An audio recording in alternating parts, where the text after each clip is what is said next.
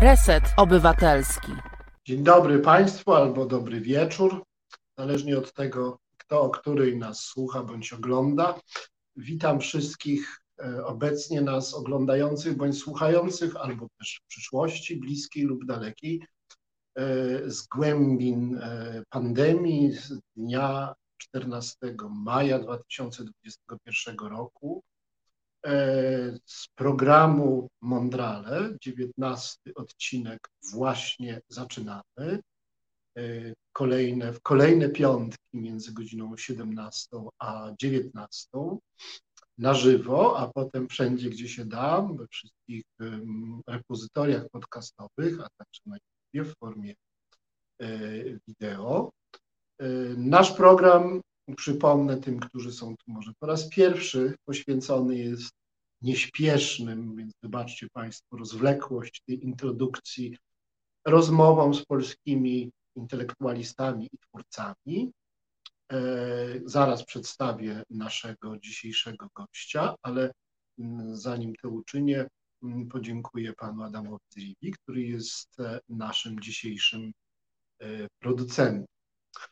E, program nasz e, zwykle e, poświęcony jest rozmowom z ludźmi pióra, takimi, którzy tworzą na papierze czy na komputerze, ale w każdym razie wydając z siebie słowa.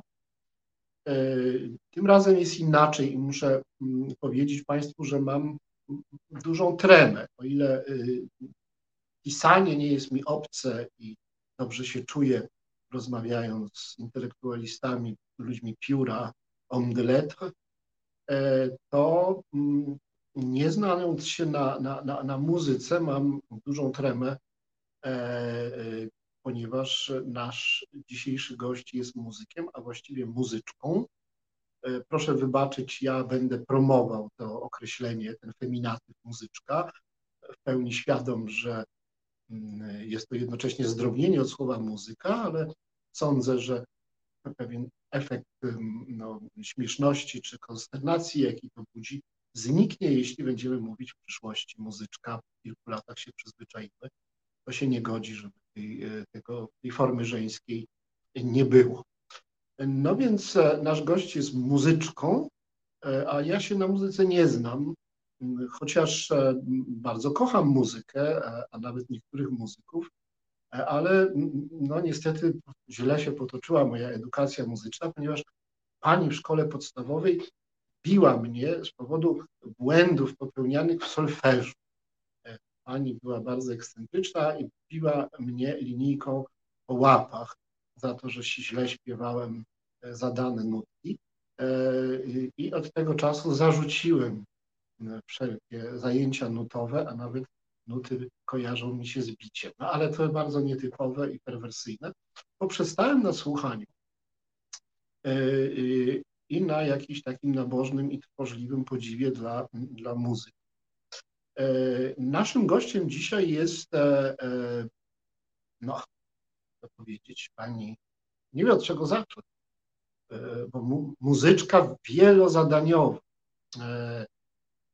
No, muzykolożka, doktor, profesor muzykologii na różnych uniwersytetach e, e, zagranicznych, mieszkająca w Szwajcarii, w Bazylei, mm, ale przede wszystkim muzyczka, czyli w jej przypadku wokalistka, zajmująca się najczęściej muzyką dawną, a nawet strasznie dawną, bo jeszcze średniowieczną, XII-XIII wieczną, ale zajmująca się okazjonalnie również operowym śpiewem, wykonaniami utworów współczesnych.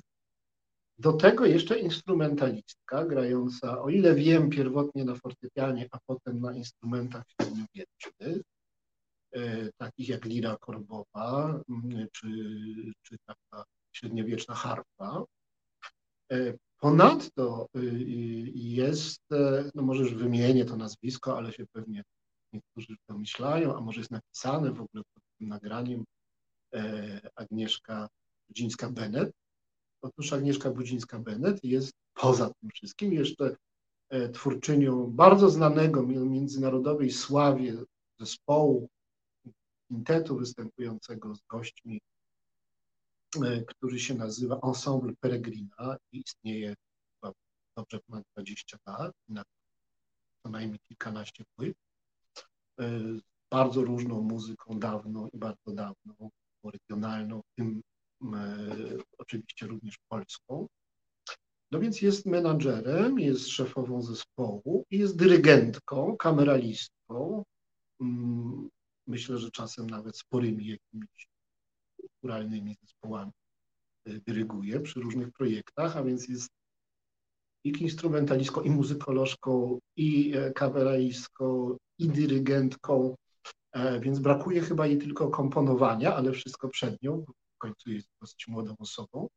To się bardzo rzadko zdarza w muzyce, że ktoś ma aż tyle tych muzycznych zawodów i, i doświadczeń e, i na dodatek jeszcze funkcjonuje i w Polsce, i za granicą i ma, to daje niezwykle szeroki ogląd e, materii muzycznej i myślę, że od Agnieszki będziemy się mogli bardzo wiele dowiedzieć o muzyce, o kulturze muzycznej, e, o doświadczeniu twórczym, doświadczeniu wykonawczym, o tej takiej archeologii muzykologicznej, którą uprawia, no bo muzykolog przede wszystkim jest od tego, żeby zabytki muzyczne opracowywać, wynajdować, opracowywać, a czym są starsze, tym to jest oczywiście trudniejsze.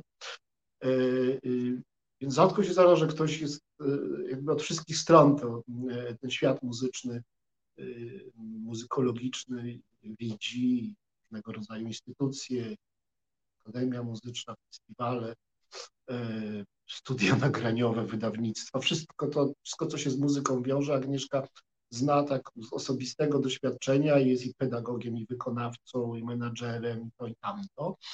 To jest gratka, no, że można z kimś porozmawiać o, o tym wszystkim. No mówię, tylko chyba komponowania brakuje, a może się za chwilę dowiemy, że że nie, więc że jej komponuje coś. E, w ogóle witamy, tak, znalazła się, jest, Agnieszka jest uśmiechnięta, więc na razie ta, to wprowadzenie idzie mi jako tako, cieszę się bardzo. Ja bym tak normalnie nie miał odwagi tak sobie z, z zawodowym muzykiem gaworzyć w muzyce, ale Agnieszka jest szalenie tolerancyjną i miłą i otwartą osobą, więc myślę, że mi wybaczy takie nieprofesjonalne e, e pytania czy, czy, czy, czy uwagi.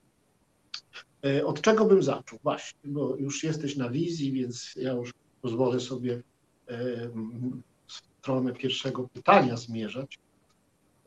Otóż, Pozwól, że się przywitam. Dobry wieczór Janku, dobry wieczór Państwu. dobry wieczór, dobry wieczór. Jako, że zajmujesz się przede wszystkim, choć nie wyłącznie, bardzo dawną muzyką, tak dawną, że nawet jak mówimy dawna, to mamy nie aż tak strasznie dawną na myśli, to ja chciałem zacząć od, od właśnie od tego, bo my kojarzymy muzykę średniowieczną no, albo tak, że my, to znaczy ludzie, którzy tak po prostu tam włączają drugi program radio i sobie coś słuchają, e, kojarzymy muzykę średniowieczną albo no, z tym słynnym chorałem gregoriańskim, albo z takimi skocznymi, piszczałkowymi e, piosenkami trubadurów czy jakichś tam żaków, albo jak ktoś studiował na, na uniwersytecie, to mu się kojarzy z no, takimi klimatami typu Gaudeamus i w ogóle jakieś Carmina Burana, e, albo jak ktoś jest bardzo patriotyczny, to jeszcze Gaude Mater, Polonia albo Bogu Rodzica. E, no i jak już tak bardzo coś tak klasztornie zawodzi, no to może to jest właśnie muzyka klasztorna. E, I wszyscy chyba słyszeli, i nawet ja, że ja, dlatego że jestem filozofem, o Hildegardzie z Bingem, która jest bohaterką e, wszystkich feministek e, mających słuch i nie mających słuchu, ponieważ była i filozofką, mistyczką i jednocześnie kompozytorką. Wiem, że i również ty się nią interesowałaś. No i raczej tak na tym to się kończy. I no, jakoś niewiele więcej wiemy. Ja się chciałem Ciebie zapytać o, o to, jaką rolę pełniła muzyka w tak dawnych czasach, e, kiedy no, chyba najwięcej rozbrzmiewało jej jednak e, w kościołach i klasztorach, e, kiedy no jakby ten czynnik sakralny miał przewagę jednak nad tym świeckim. I czy to jest to, to, te, te, jakie, jakie właściwie uczucia, jakie doświadczenie wspólnotowe, temu klasztornemu y, czy, czy kościelnemu śpiewaniu towarzyszyło? Czy to było coś w ogóle porównywalnego z naszym współczesnym, radosnym łączeniem się w śpiewie, e, albo, nie wiem, słuchaniem śpiewu w warunkach operowych, koncertowych, kiedy po prostu sobie siedzimy wygodnie i ktoś dla nas śpiewa, czy to może było jakieś bardzo organiczne, bardzo e, głębokie przeżycie, zaangażowanie całym ciałem, całym sobą w, e, w niewysłowioną e, duchowość religijną. Bo też to pytanie zadaję dlatego, że znam osoby oprócz ciebie inne, które nie są jakoś bardzo pobożne, a jakoś bardzo się jednocześnie angażują w wykonywanie czy wręcz odtwarzanie muzyki y, niezwykle dawnej. Ja mam taką kuzynkę, Marię Mostowską, która prowadziła przez wiele lat taki zespół e, Sine Nomine, e, wokalno-instrumentalny muzyki dawnej i czasem bardzo dawnej. I ona i jej koledzy też nie, no nie byli osobami jakoś religijnymi szczególnie, a jednak mimo to uczestniczyli przez odtwarzanie tej muzyki, no, siłą rzeczy w kulturze religijnej. Więc ja e, sprecyzując to pytanie, chciałem zapytać o rodzaj doświadczenia, który to, przez tę niezwykłą mm, aktywność ożywiania e, e, przecież zupełnie głuchych już, jakby niepamiętnych czasów, jakie doświadczenie przywołujesz i czy to w ogóle jest do odtworzenia, to, to przeżycie, które towarzyszyło tym, którzy wówczas tworzyli i wykonywali, oraz słuchali e, e, tę muzykę. Zadałeś bardzo wiele pytań, bardzo różnych i to już od razu poszło w bardzo różne strony. Spróbuję to uporządkować jakoś. Może rzeczywiście od tego doświadczenia zacznę. E, mówimy tutaj o dwóch doświadczeniach, rzecz jasna. Mm, teraz o moim i o doświadczeniu, które oferuję słuchaczom poprzez moje wykonawstwo, czy też moją archeologię muzyki, tak jak powiedziałeś. To drugie jest oczywiście nieprzewidywalne, co też mnie bardzo cieszy, ponieważ jest tak samo przy słuchaniu muzyki jakiejkolwiek, ale szczególnie średniowiecznej, takiej rekonstruowanej, czyli rzeczywiście, tak jak powiedziałeś, mniej znanej i e, do której mamy mniej dostępu z różnych przyczyn. Tak jak z książkami, nigdy nie wiadomo, to chyba Jan Parandowski powiedział swego czasu, y, nigdy nie wiadomo, kto z którego autora sobie co wyczyta. E, nie mam na to wpływu, natomiast cieszą mnie różne interpretacje, ponieważ e, żyjemy w pluralizmie kulturowym, w pluralizmie epokowym, w czasach bardzo ciekawych, kiedy mamy dostęp do w ogóle kulturowo do dzieł tylu najróżniejszych stuleci, tylu najróżniejszych stylów. Więc e, cieszy mnie każda reakcja na wykonanie czy to mojej muzyki, czy przez wykonywanie przez moich kolegów. Mm, I ciekawi mnie zawsze, co właśnie słuchacze z tego mm, jakby sobie wyłuskają, co, co to dla nich znaczy. Był taki okres, kiedy w kinach oczywiście panował e, Władca Pierścieni i zauważyłam oczywiście też zmianę w publiczności. Bardzo wiele osób przychodziło na moje koncerty, ponieważ zauważało, że śpiewam utwory w języku średnioangielskim, więc kojarzyli to wszystko na przykład z Tolkienem, e, nie wiem, z, e, z Rohanem, e, prawda? Każdy ma jakieś skojarzenie, co zresztą zupełnie słuszne skojarzenia, ponieważ na tym też między innymi Tolkien się opierał. Mm, z drugiej strony przychodzą też osoby, które pragną doznać jakiejś właśnie medytacji, ponieważ oczekują wyciszenia, oczekują Y, tak jak powiedziałaś też na początku, pewnego zatrzymania w czasie, niespieszności, y, co też w tej muzyce się znajduje. Mówię w tej muzyce to też bardzo ogólnie i bardzo upraszczając. Mm, przychodzą osoby, które mm, i piszą też do mnie, które y, są jakby zafascynowane zupełnie odrębnym językiem muzycznym niż ten, który znamy mniej więcej od renesansu czy baroku. E, pewną taką archaizacją.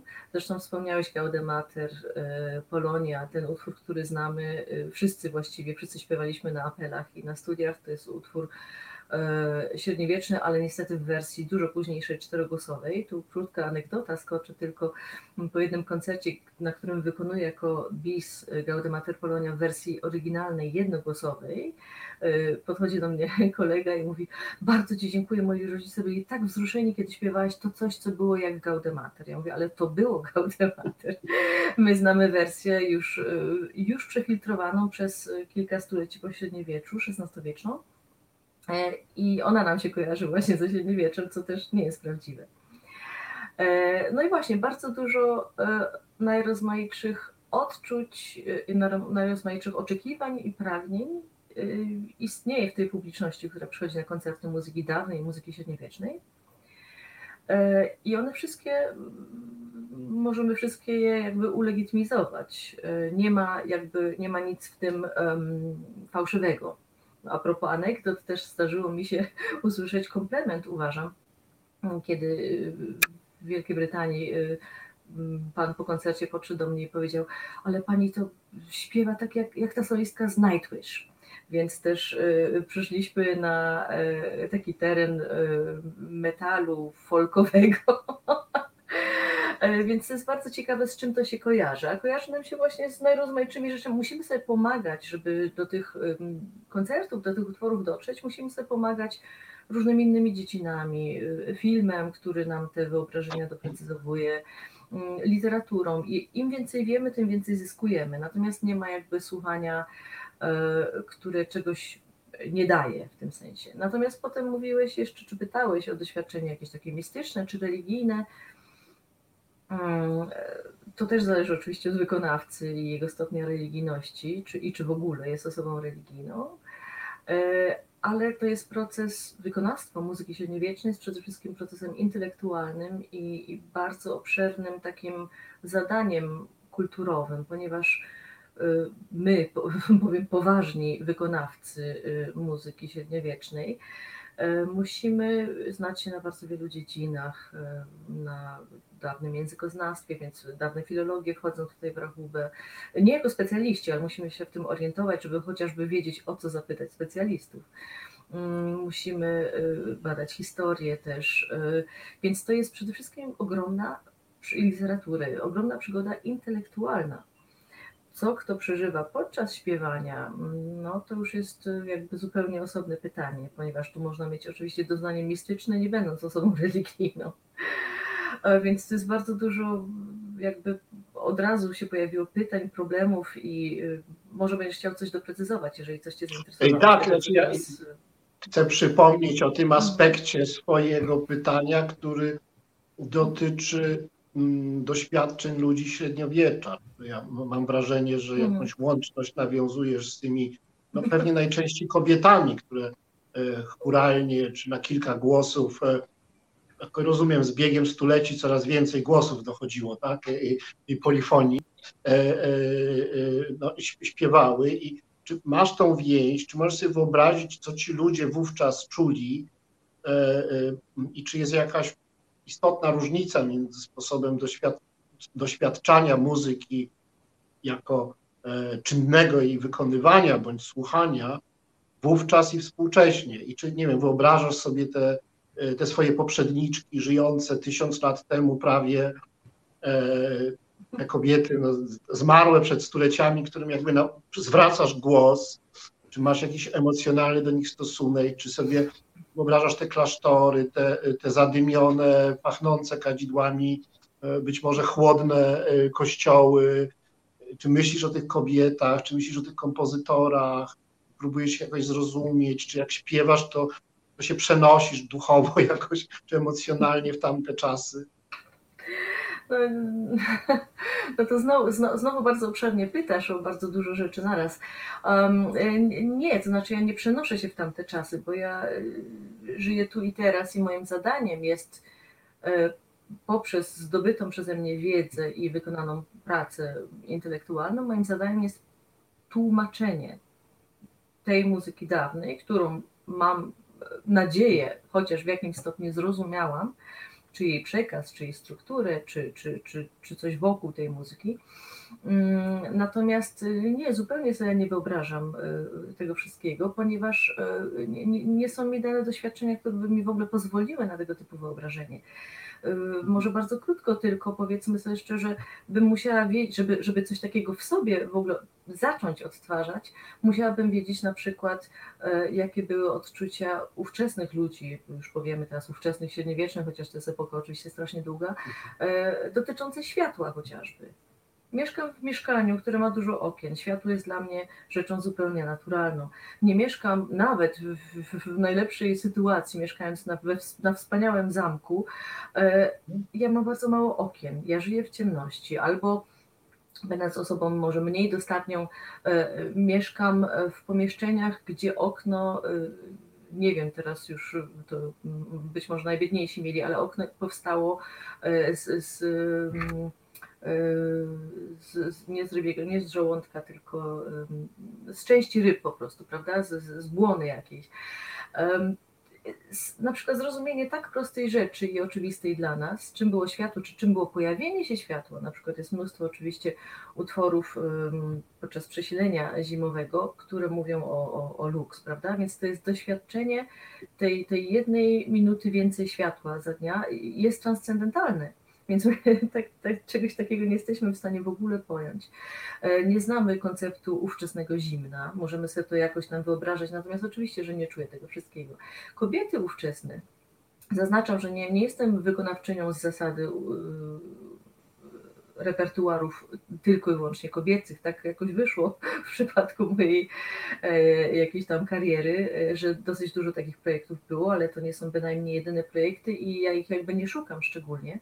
Natomiast ja te kobiety dawne podziwiam, ja o nich czytam, ja je próbuję zrozumieć, ale e, to nie jest tak, że ja bym na przykład strasznie chciała wtedy żyć albo być taką jak one. Ja je podziwiam, ponieważ w bardzo trudnych czasach, e, niezależnie od sytuacji, dawały sobie doskonale radę, znajdowały sposoby e, oczywiście też dojścia do władzy, otrzymania wpływu na coś. Tutaj mówimy już o albo oczywiście córkach y, królewskich, czy, czy, czy, czy małżonkach, czy przeoryszach. Mm, to, w jaki sposób udało im się zdobyć sporo wpływu, o, o czym bardzo mało wiemy, e, no to jest to naprawdę godne podziwu. Może w ten sposób jakby zaznajamiam się z, z, z poprzedniczkami moimi. Jak śpiewały mniszki, ile ich było, to też nie jest taka oczywista sprawa, ponieważ na przykład w XIV wieku y, istnieje przepiękny klasztor Las Huelgas, w którym y, w ogóle mieszkało 300 mniszek, z czego 100 śpiewało w chórze. Więc y, na przykład w dniu dzisiejszym, czy jeszcze w XIX wieku, czy w XVIII, to takich ośrodków za bardzo nie było. Więc to też jakby nie jest, nie jest prawdą, że to cały czas jakby narastało i było tych głosów więcej, czy też polifonia czasami w XIV wieku w klasztorach żeńskich istniało, natomiast dużo skromniej przedstawiały się to w wieku XV, więc to są takie różne paradoksy historii zresztą wiemy i rozwoju wszelakiego, który nie jest linearny. Może tak to jakby tu ujmę. A powiedz mi, czy, y, y, jak to wygląda od strony, że tak powiem, jakości? No bo no jednak jest coś takiego jak postęp czy rozwój y, muzyki. Z jednej strony bardzo zabytkowe artefakty z różnych epok, w różnych dziedzinach są arcydziełami same dla siebie i na tle tego kunsztu i tych form, które były wówczas danych czasach dostępne i znane. No ale z drugiej strony jest właśnie postęp i w przypadku muzyki może to jest nawet bardzo, bardziej widoczne niż w przypadku e, niektórych innych sztuk. No choćby no, rośnie komplikacja, no jednak ta y, przybywa tych, tych, tych skal, tych harmonii, y, tych głosów, tych różnych form muzycznych, y, więc jest coś takiego jak rozwój, prawda? No, my pewnie, jeżeli jesteśmy w ogóle jakkolwiek osłuchani, to pewnie z tą późniejszą muzyką średniowieczną, bo właśnie chyba dlatego, że jest e, bardziej skomplikowana, bardziej e, wielogłosowa, słuchamy pewnie bardziej jakichś motetów niż jakichś za przeproszeniem jednogłosowych, e, takich zawodzących e, e, utworów. Więc, jakiś, więc jest, jakiś, jest jakiś postęp, jest jakiś rozwój form muzycznych. No, zresztą no, nie da się uniknąć tego słowa rozwój. No, zmienia się, komplikuje, rozwija.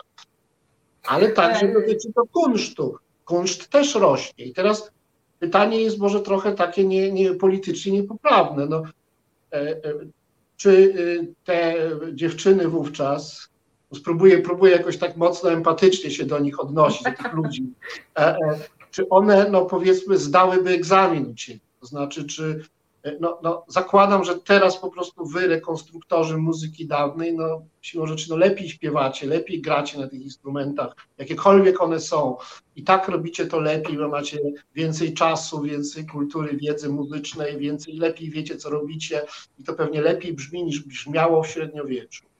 I w związku z tym no, pytam, czy, czy, czy to jest jakby odwrócenie kompetencji, odwrócenie autorytetu, czy jakby z waszego punktu widzenia oni są jakby amatorami, którzy wymagają troski e, i opieki, e, czy też odwrotnie, czujecie się niegodnymi naśladowcami. E, ja podejrzewam, że jednak raczej powinno brać górę to pierwsze, bo jestem głęboko przekonany, że śpiewasz lepiej od tych dziewczyn w XIII wieku, no bo one nie były, nie przechodziły przez konserwatoria i tak dalej. No i no siłą rzeczy musisz śpiewać lepiej. No ale z drugiej strony to, to ty jakoś im służysz, bo ty rekonstruujesz ich śpiew, a nie odwrotnie. Jak to wygląda? Dobrze, to, to zaczynam dementować. Otóż się nie zgadzam zupełnie z niczym, co wspomniałeś e, i bardzo dobrze o tym rozmawiamy. To jest taka powszechna, e, zresztą wspomniałeś, że się nie znasz na muzyce. E, to jest powszechna opinia, oczywiście, że istnieje rozwój i, i właśnie jakaś linearność no nie, każda epoka, każde, każde stulecie, każda dekada też ma twórców wspaniałych. Trafiają się zawsze pośród ludzi osoby niewiarygodnie utalentowane, osoby też e, wykształcone. To jest oczywiście zależne od sytuacji. Wiadomo, że teraz jest to łatwiejsze, chociaż niekoniecznie lepsze. Natomiast i zostawmy te dziewczyny może jeszcze na razie, bo ty mówisz o, o takim szczególnym przypadku jednak klasztorów żeńskich i, i edukacji kobiet to jest troszeczkę inna sprawa, ale powiedzmy ogólnie.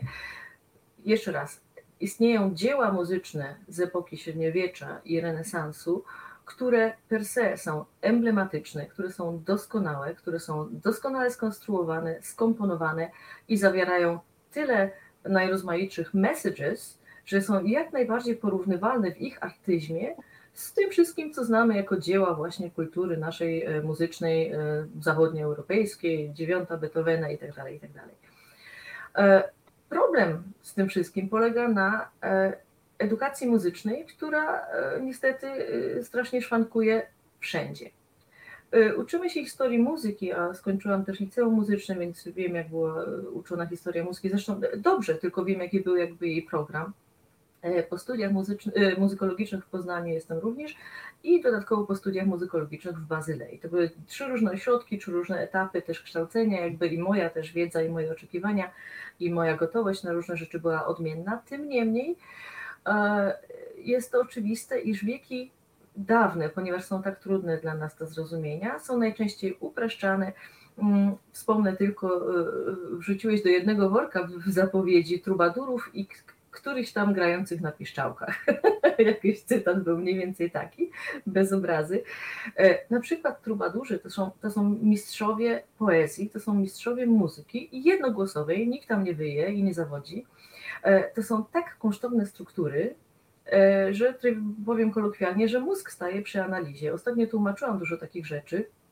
I w ogóle już w samym tłumaczeniu tylko jednego krótkiego poematu kilkuzwrotkowego pojawi się tyle problemów, tyle na przykład intertekstualność, tyle odniesień do literatury ówczesnej, tyle y, skomplikowanych, złożonych wyrażeń, których się nawet zupełnie nie spodziewamy. E, muzyka polifoniczna, muzyka nawet dwu czy trzygłosowa może być o wiele bardziej skomplikowana niż jakiś utwór orkiestralny. Zupełnie jakby aparat, czy aparat wykonawczy, czy to na ile organizmów to jest skomponowane, o niczym nie świadczy, ponieważ bardzo krótki utwór, ja się doktoryzowałam z XIII-wiecznego motetu, są utwory strasznie krótkie. Powiem tylko bardzo króciutko o tym.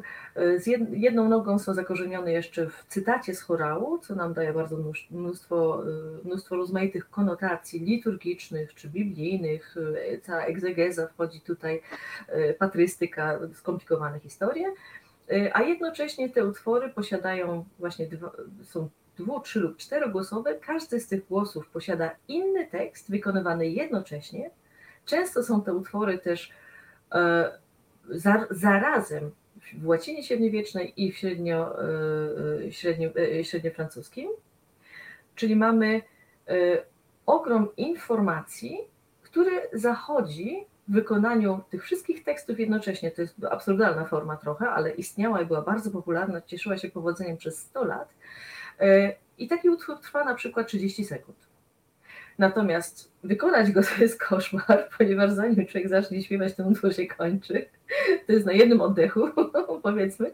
Natomiast można naprawdę napisać cały doktorat o jednym takim 30-sekundowym utworze, ponieważ on ma tyle odniesień, on ma takie bogactwo y, literackie i właśnie cała interdyscyplinarność tych utworów y, dawnych, jakby też jest ich y, trudnością i ich urodą, ponieważ no właśnie radośnie można je e, interpretować i, i analizować, ponieważ to jest bogactwo, no dostajemy po prostu skarb w, w jakiejś takiej małej szkatułce.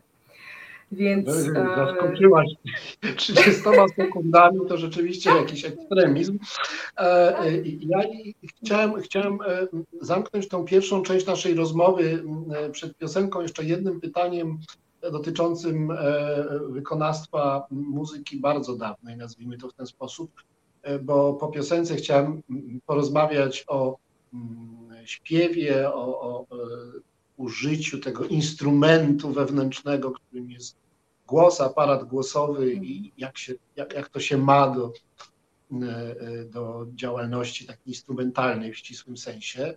E, a to moje pytanie wiąże się z małą rozmową, którą miałem e, kilka dni temu ze swoją koleżanką, muzykolożką Małgosią Wosińską, jak jej powiedziałem, że zamierzam, że będę miał przyjemność rozmawiać z Tobą na antenie, to powiedziała, że właśnie dostała, czy kupiła sobie płytę e, Marii Louise Hinrich e, e, niejakiej, nie znałem tego nazwiska, pani, która dokonała takiej transkrypcji muzyki Hildegardy z Bingen na fortepian preparowany. No i kazała mi tam na YouTube wysłuchać jakiegoś utworu E, no i mi się to wydało bardzo mm, ekstrawaganckie, ale też interesujące. I od razu pomyślałem, bo, bo ta Małgosia była zachwycona, że to jest taki wspaniały pomysł na, korzystanie z, z uspółcześnianie bardzo dawnych e, zasobów muzycznych. Ona sama się zajmuje odkrywaniem w nutach XVI-wiecznych jakichś zakodowanych tam przekazów niemuzycznych, jakichś nawet bardzo nieprzyzwoitych, ale to już zostawmy.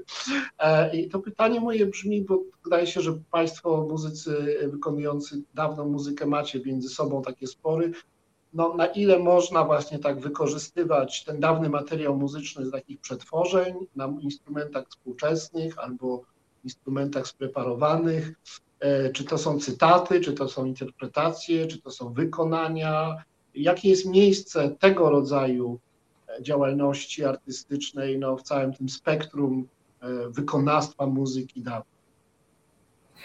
No, można, można robić wszystko. Przecież muzyka też dawna czy średniowieczna e, wplata się też właśnie, jak już wspominałam, w jakiś e, folk metal, gdziekolwiek.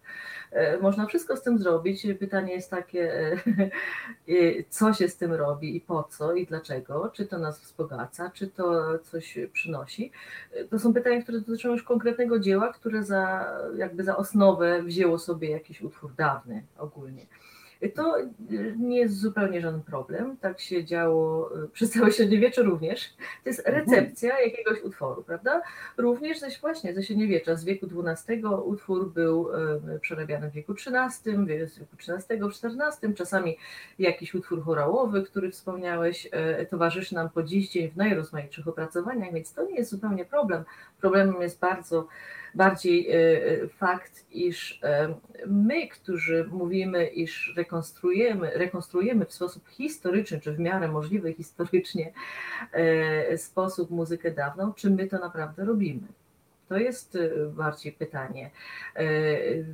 Czasami jest lepiej powiedzieć, że na przykład robię early fusion, prawda, niż że próbuję określić się właśnie jako osobę rekonstruującą e, muzykę średniowieczną, czy też e, tłumaczącą. Ale, ale, Agnieszka, ale czy są jakieś granice? Czy jest coś takiego jak sprofanowanie materiału muzycznego?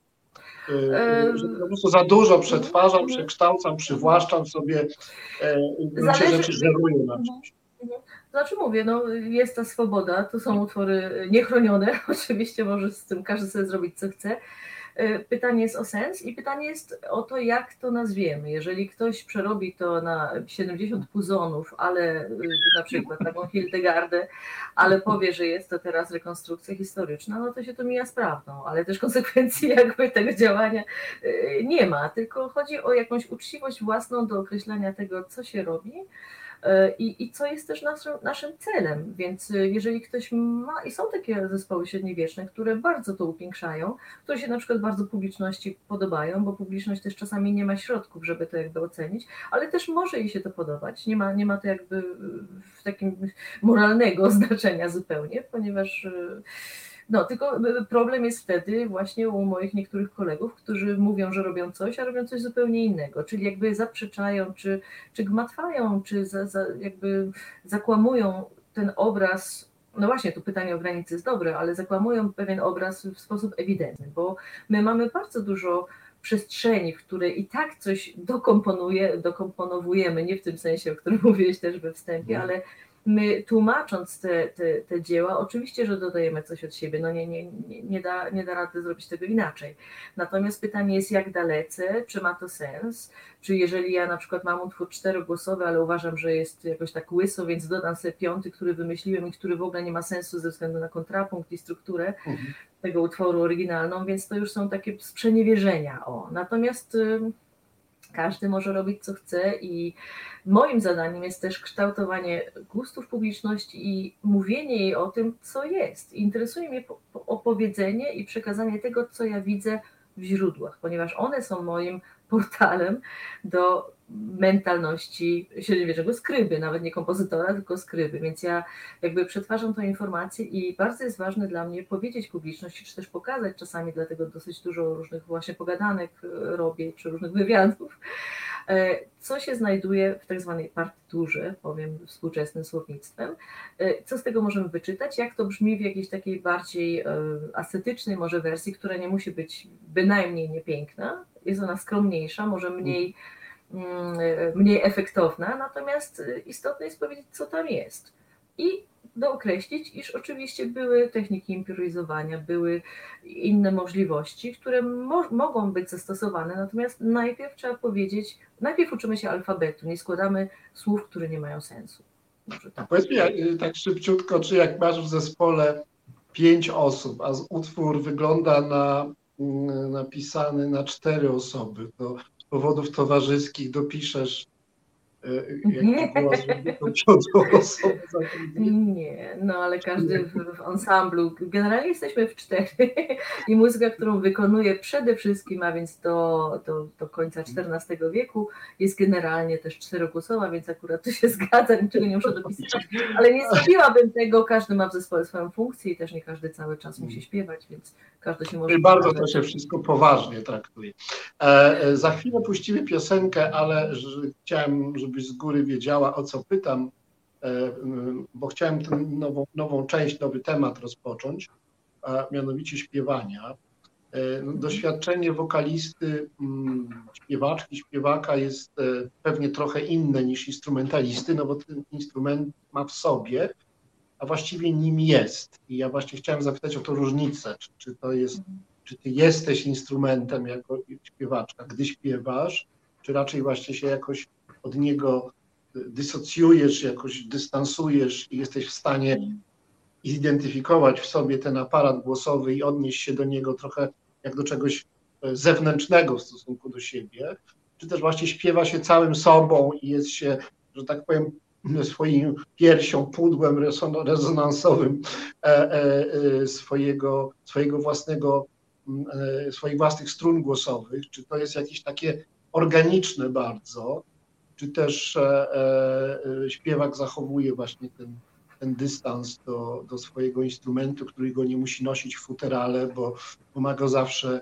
e, przy sobie, e, a właściwie w sobie. To będzie to pytanie, a teraz nasz realizator, pan Krzysztof Kołaczek, zagra nam coś, co pewnie nie będzie bardzo e, polifoniczne i pewnie nie będzie bardzo skomplikowane, ale na pewno będzie zaśpiewane przez.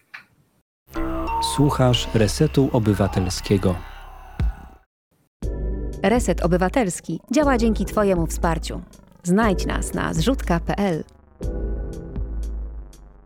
Dzień dobry jeszcze raz w programie Mondrale, w drugiej części spotkania 19, którego gościem, bądź jak to woli gościnią, e, jest pani doktor, właściwie profesor uczelni muzycznych e, Agnieszka Budzińska-Bennett, która łączy się z nami mm, z Bazylei, ze Szwajcarii. E, rozmawiamy, e, dotąd rozmawialiśmy o muzyce średniowiecznej, którą głównie, choć nie wyłącznie się zajmuje Agnieszka. A teraz zapytałem i powtarzam swoje pytanie mm, o sposób, w jaki mm, śpiewak, śpiewaczka e, ustosunkowuje się do własnego instrumentu, którym jest sam bądź sama, czy w ogóle ta metafora instrumentu w zastosowaniu do ludzkiego ciała pracuje, czy jest e, odpowiednia, tak bym jeszcze to swoje pytanie uzupełnił. Bo moja hipoteza jest taka, że to jest najbardziej zaangażowana mm, e, forma uprawiania muzyki, kiedy ten dźwięk wychodzi ze mnie, tak jak śmiech, tak jak płacz e, i inne dźwięki nieartykułowane, ale może i artykułowane. I w tym sensie śpiew zawsze wydaje mi się bardzo intymny i, i, i jakoś bardzo fascynujący ze wszystkich muzyków. E, zawsze największe wrażenie na mnie robiły osoby śpiewające, e, zwłaszcza no, arie operowe, nie jestem tutaj odosobniony.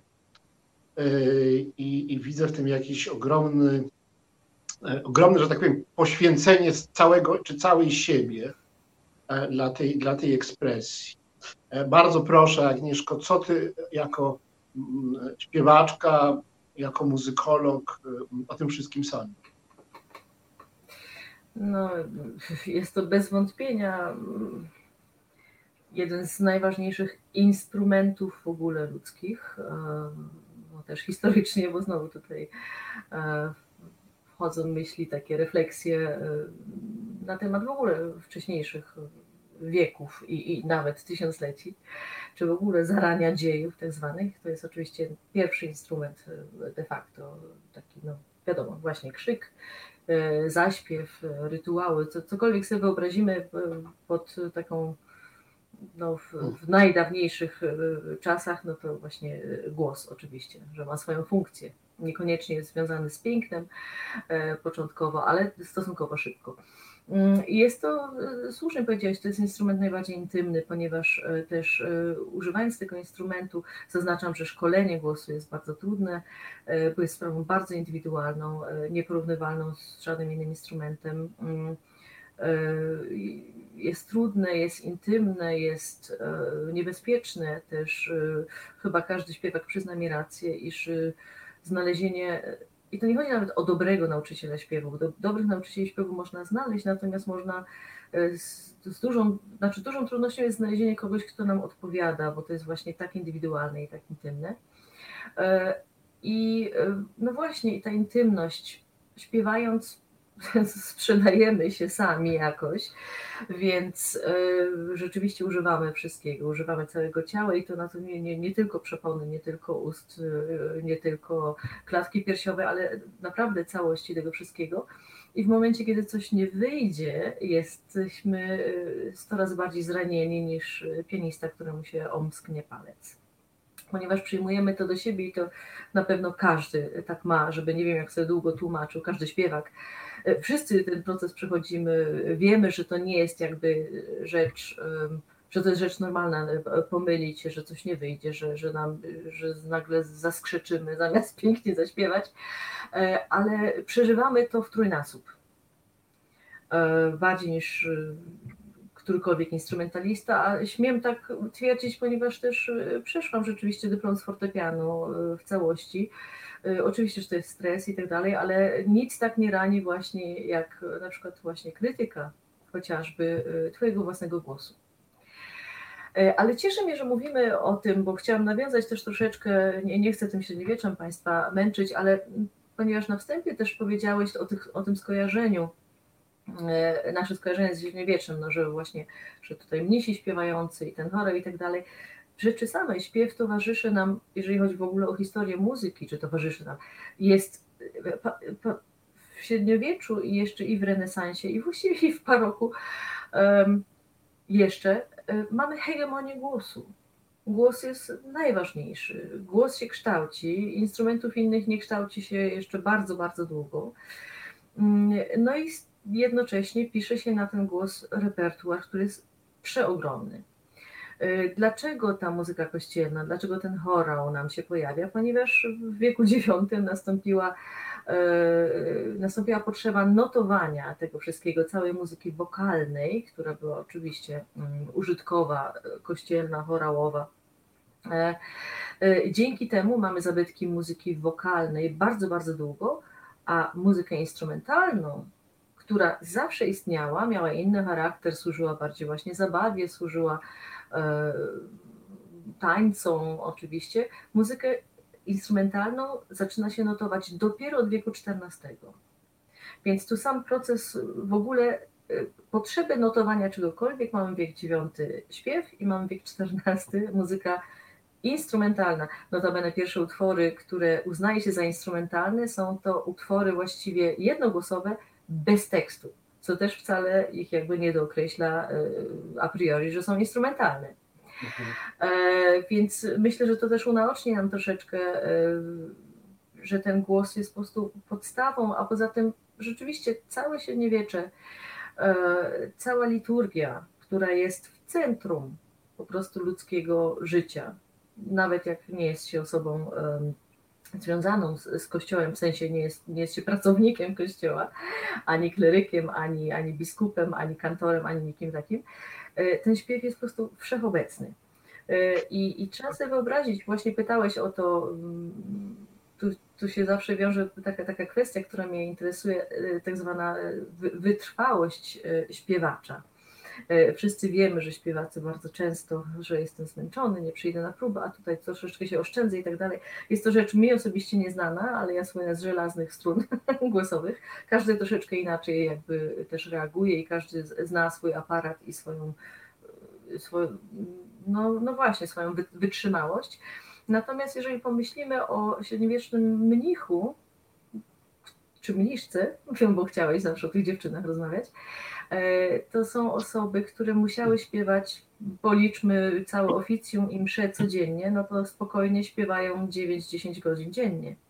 Śpiewają, ponieważ wszystkie nabożeństwa, e, zaznaczam też oczywiście, no już tylko weźmy mszę, którą może wszyscy z czymś tam kojarzą sobie, e, tam było bardzo mało części mszalnych mówionych. Właściwie wszystko jest śpiewane albo melorecytowane, więc jest inna fonacja, więc jest inny oddech, więc jest inny wyraz tego wszystkiego również, ale też trzeba fizycznie zupełnie inaczej do tego podejść, bo nikt nie ma mroczy do mikrofonu, tylko na przykład śpiewa się również y, y, kazania, śpiewa się lekcje, Ewangelia jest śpiewana. Właściwie nie ma praktycznie części mówionych.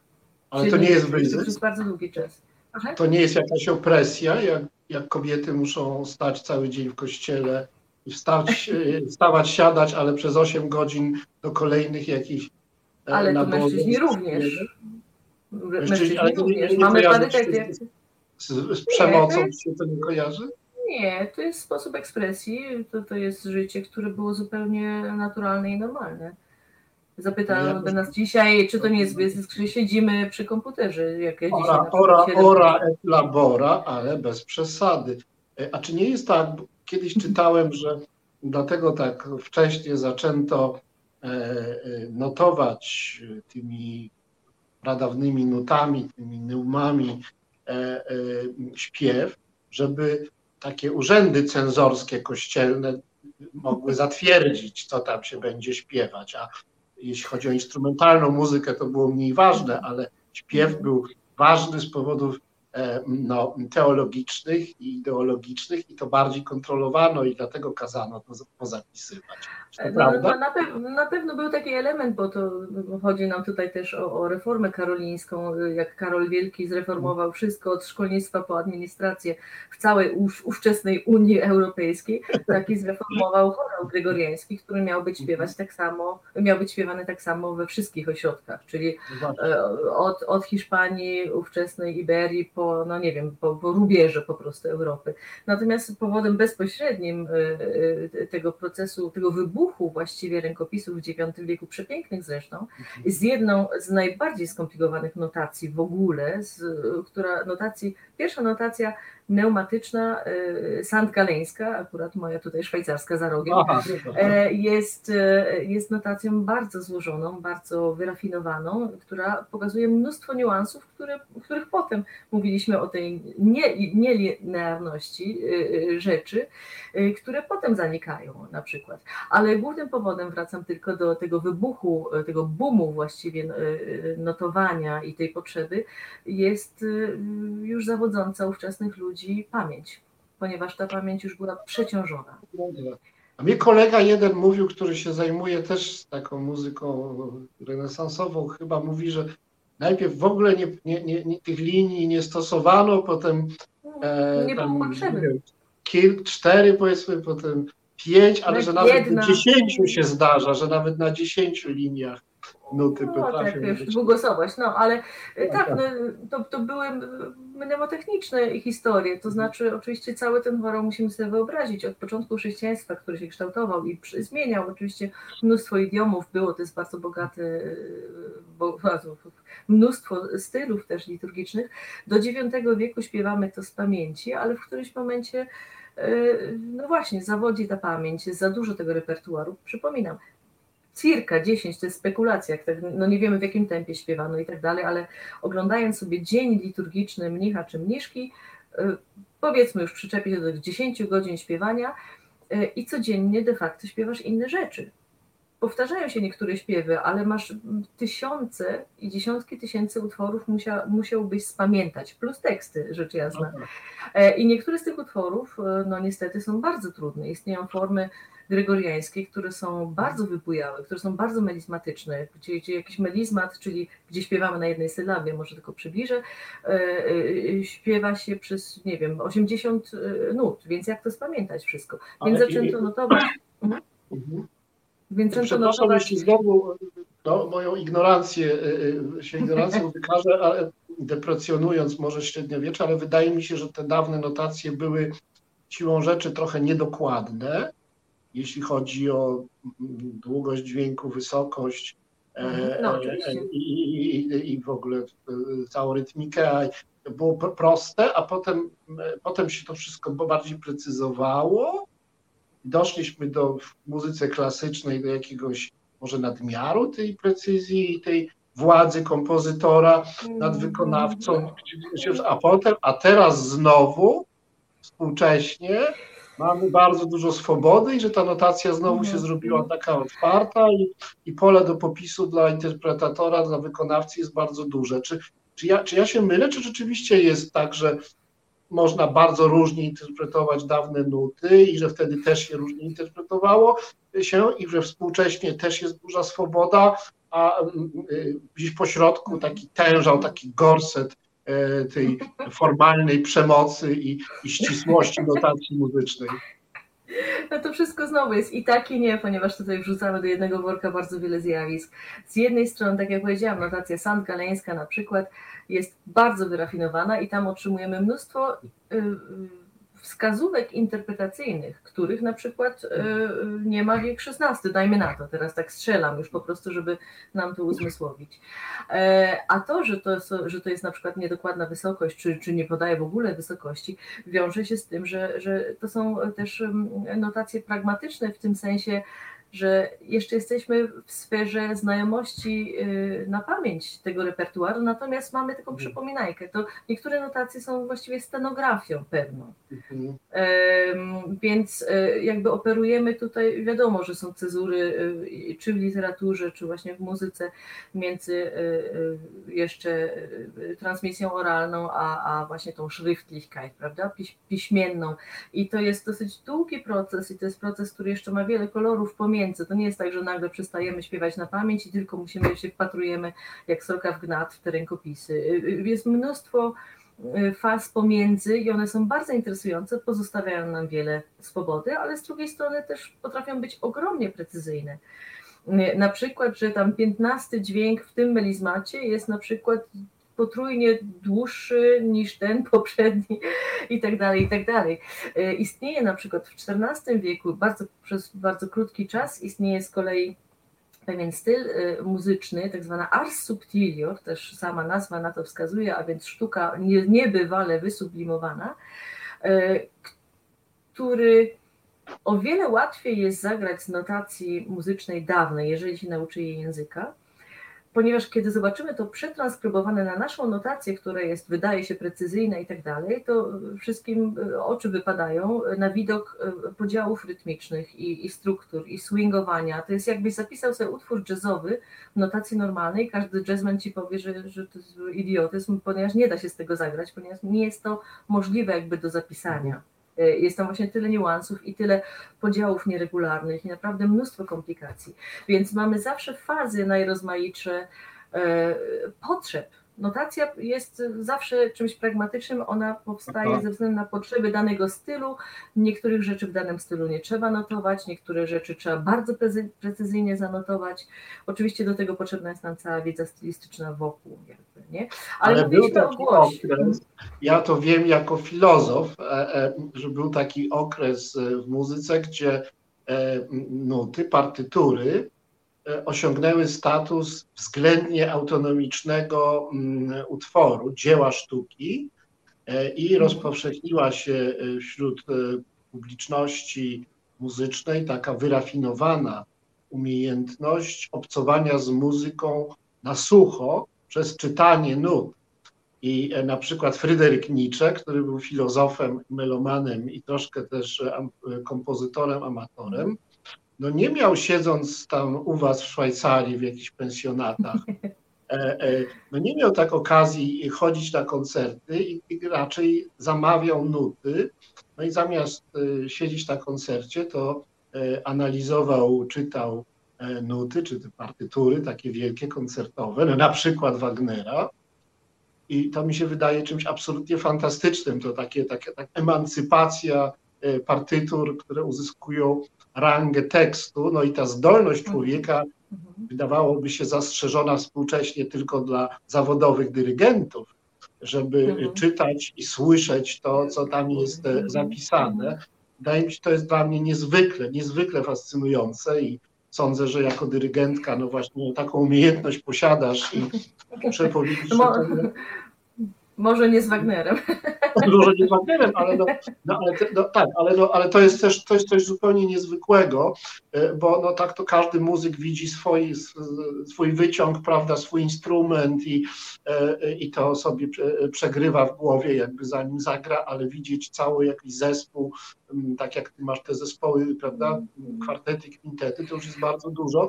E, ja to, ja to niesłychanie podziwiam i uważam w ogóle muzyków za jakiś wyjątkowy, przepraszam za słowo, gatunek, gatunek człowieka. E, e, I właśnie chcę uparcie powrócić do tych specyficznych, szczególnych, niedostępnych nam, profanom, doświadczeń. E, I chciałem wrócić do tego doświadczenia śpiewaczego, jeśli pozwolisz.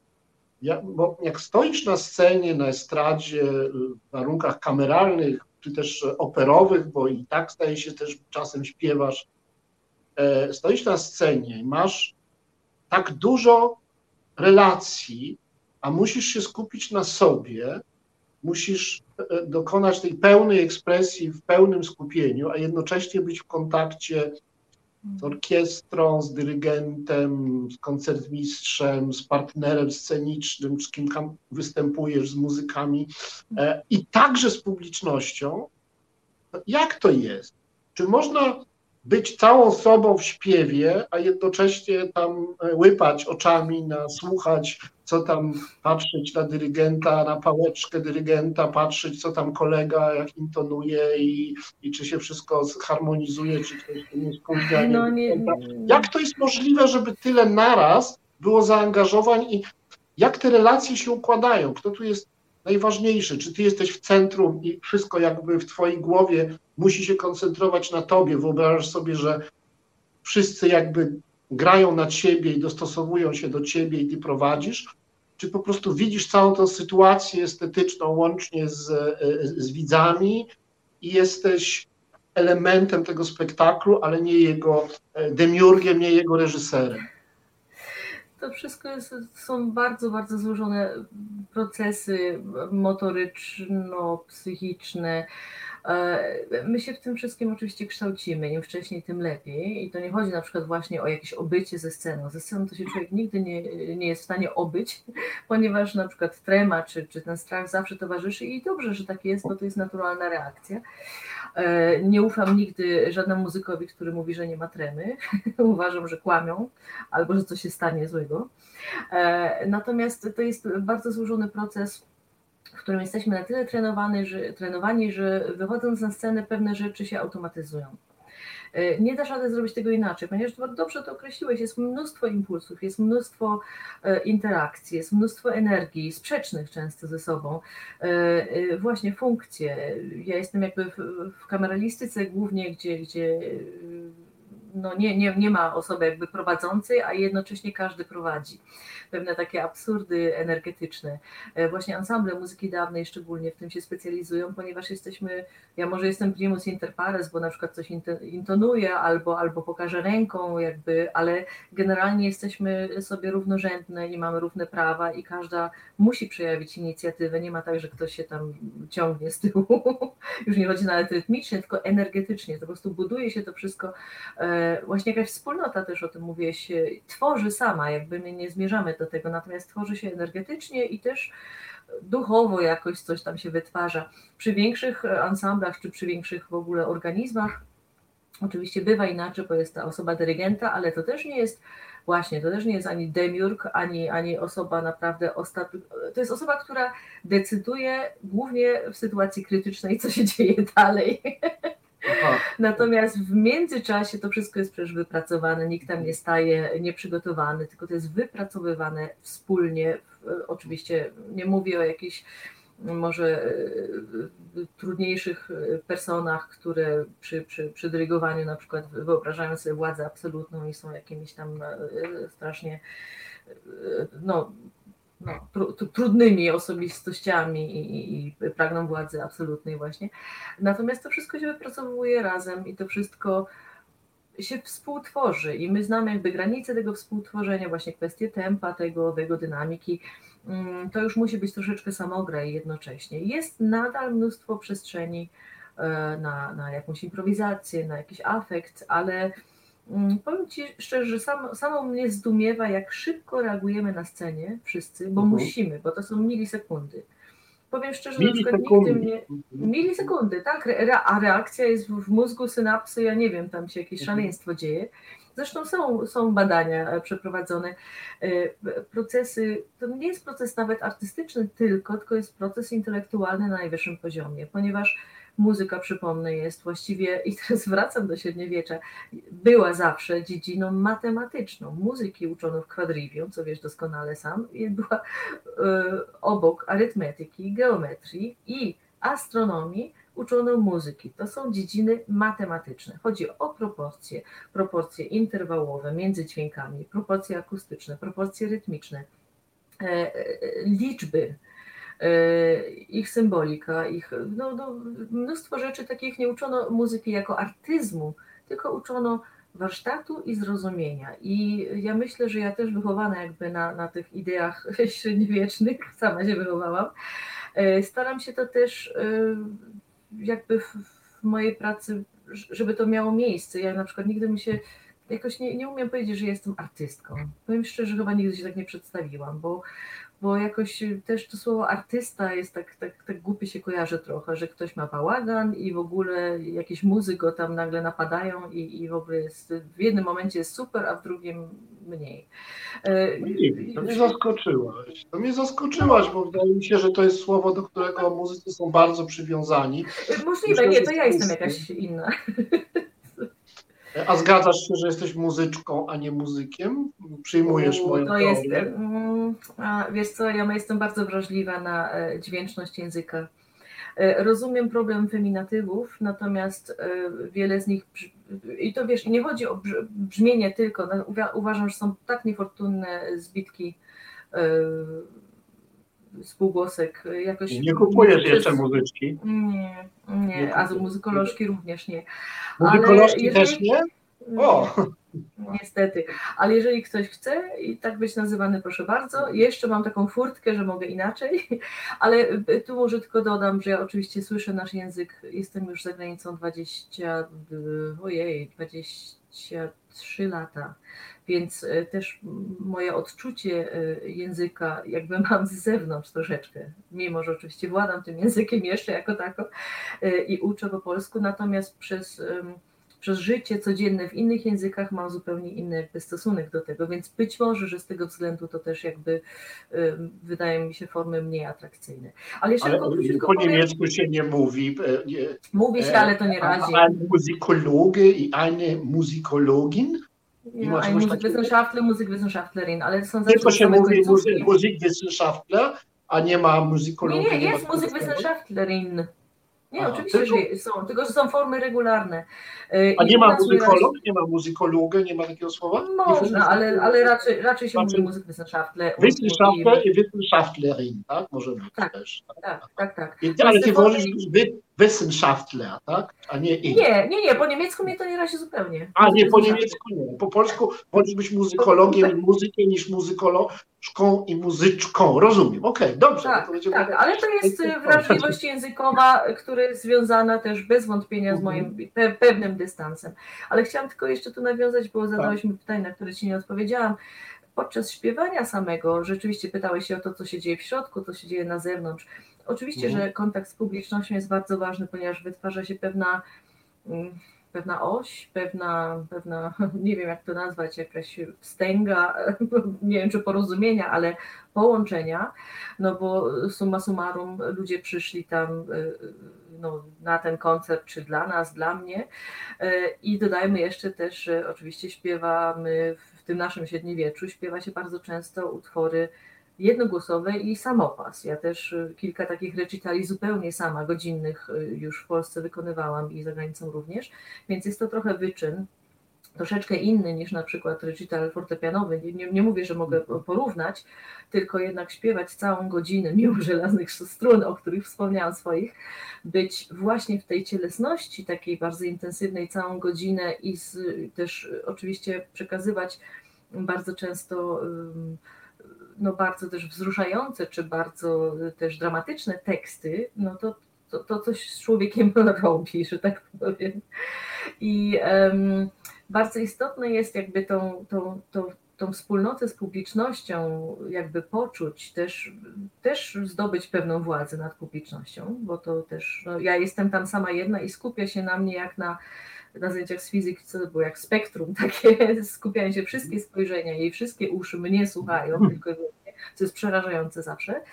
E, e, jednak za, za, zarazem ja muszę przeprowadzać, i to jest kolejny proces, który hmm. przy tym artyzmie całym i matematyce i obliczaniu i timingu i wszystkim, intonacji, e, reakcji na akustykę, to jest też pewien proces, który zachodzi cała introspekcja, gdzie jestem w tym momencie, czy jestem cieleśnie jeszcze przy sobie, czy ja jestem, mam kontrolę nad oddechem, czy ja teraz dałam się sama sobie porwać, nie żebym tak pięknie śpiewała, ale ponieważ tekst jest wzruszający i wyrażam coś niezwykle dramatycznego, coś na przykład, nie wiem, o śmierci, czy o tragicznej miłości, my w tym wszystkim musimy też być jako aktorzy, każdy aktor pewnie powie to samo. Więc mm, zdrowy, zdrowa równowaga między ekspresją, która wychodzi na zewnątrz, a introspekcją, która ciebie też uspokaja i też przywołuje do porządku stricte technicznego, bo nie można się jakby e, zapomnieć. Za każdym razem, jak się na fortepianie zapomniałam, to wyleciałam z orbity i się pomyliłam. Więc tu jest zawsze kompromis między tym, na ile sobie mogę pozwolić na ekspresję, jak dalece jakby wyjdę z siebie i czy zdołam wrócić do jakiegoś porządku. Czyli ale czy ty wtedy, czyli jak, jak śpiewasz z zespołem, y, mhm. y, to jednak raczej to jest stosunek najczęściej e, wykonawca, akompaniator, to znaczy ty jednak raczej ty decydujesz o, o tempie i to oni muszą swoje błędy nie, jako nie, nie, nie, to jest wypracowane. Nie pomagasz nie. chyba y, y, instrumentom wyrównywać w razie jakichś nierówności. Nie no, y, nie no, posłuchaj, wszyscy jak gramy, oczywiście się zdarzają się różne, różne kiksy, ale wszyscy słuchają i wszyscy się dostosowują. Znaczy nie może tego zdecydować w małych obsadach, nie decyduje o tym jedna osoba, ewentualnie decyduje ktoś, kto może jakąś partię najbardziej wyeksponowaną, która jest i tak równorzędna mhm. z innymi, ale to są rzeczy znowu wypracowane, więc takie, to, to nie są jakieś straszliwe wypadki przy pracy, są jakieś drobiazgi, które nas bardzo irytują, bo my je słyszymy jako straszny wypadek, natomiast e, publiczność najczęściej też e, nie zauważa, to są kwestie bardziej energetyczne. No. No, niezwykle, niezwykle wartko się nasza rozmowa toczy o, i już zbliżamy się do trzeciej i ostatniej części. Więc ja teraz e, e, zapowiem, o co będę pytał i puścimy piosenkę, a potem w skrócie powtórzę swoje pytanie. E, więc jak zwykle moje pytanie będzie takie trochę barokowe. Otóż o tyle, ile teraz dotąd mówiliśmy o wykonawstwie, o pracy samego muzyka, mm, o tyle teraz chciałbym porozmawiać o instytucjonalnym i społecznym otoczeniu, w którym funkcjonują muzycy Zwłaszcza interesuje mnie kwestia e, wyzysku, czy też złego traktowania muzyków przez e, no, osoby decyzyjne, które tym przemysłem, powiedzmy, muzycznym e, dyrygują, zawiadują. Bo to jest bardzo duży zestaw różnych instytucji, począwszy od szkół muzycznych, przez rozmaite sale, domy operowe, filharmonie, poprzez organizatorów różnych festiwali, wydawców, e, e, krytyków muzycznych, redaktorów audycji muzycznych. Jest bardzo wiele osób, od których muzyk zależy, a w pewnym momencie, jeśli robi dużą karierę, to zaczyna zależeć od impresariów, których niby on sam sobie jakby no, wynajmuje, ale często ta relacja się odwraca i staje się trochę ich zakładnikiem i coraz bardziej robi to, co oni każą. I wiem, że śpiewacy zwłaszcza są bardzo czasem eksploatowani, muszą walczyć, ochronić te swoje głosy, e, prywatność również i komfort psychiczny, ponieważ są wyciskani jak cytryna, a teraz tak wielka jest konkurencja i tylu jest wybitnych ludzi, że no łatwo być, nawet najwięksi są zastępowalni i te, te gwiazdy, ja już no nie żyję jakoś tak potwornie długo, ale tych gwiazd kilkuletnich, kilkunastoletnich też widziałem trochę i to wszystko jakoś tak strasznie szybko się toczy, jest takie intensywne, tyle jest tej zależności, tyle jest tej konkurencji, rywalizacji, że ja mam wrażenie, że muzycy zwłaszcza tacy mm, no, y, freelancerzy nie mający zaplecza y, etatowego, y, bądź też po prostu no, soliści, czy to instrumentaliści, czy to, czy to wybitni solowi śpiewacy, oni wszyscy mimo swojej eksponowanej roli, pozycji i miłości publiczności i czasem wysokich bardzo zarobków różnie, no jednak są pod ogromną presją i są często bardzo jakoś tym wszystkim pokrzywdzeni i że cierpi na tym sztuka, że cierpi na tym no, w przypadku muzyków, wokalistów głos, cierpią na tym ich jakoś rodziny, i że to, to wszystko nie powinno tak być, jak to w naszym kapitalistycznym świecie wygląda. O to będę pytał, a teraz jeszcze jedna piosenka. Słuchasz Resetu Obywatelskiego. Znudzeni mainstreamowymi newsami? Czas na Reset Obywatelski. Zaangażowane dziennikarstwo. Śpiewał kwartet żeński Kagiuma, a teraz witam Państwa w trzeciej części dziewiętnastego odcinka programu Mondrale w Radiu Reset Obywatelski. Jak co tydzień prosząc e, miłe słuchaczki i słuchaczy o łaskawe wsparcie naszej działalności, e, działalności Resetu Obywatelskiego, radia mm, undergroundowego, mm, amatorskiego, y, niezależnego i wszystkie, co chcecie, y, jakie chcecie przymiotniki, proszę zastosować, byleby były mm, no, w miarę lewicowe.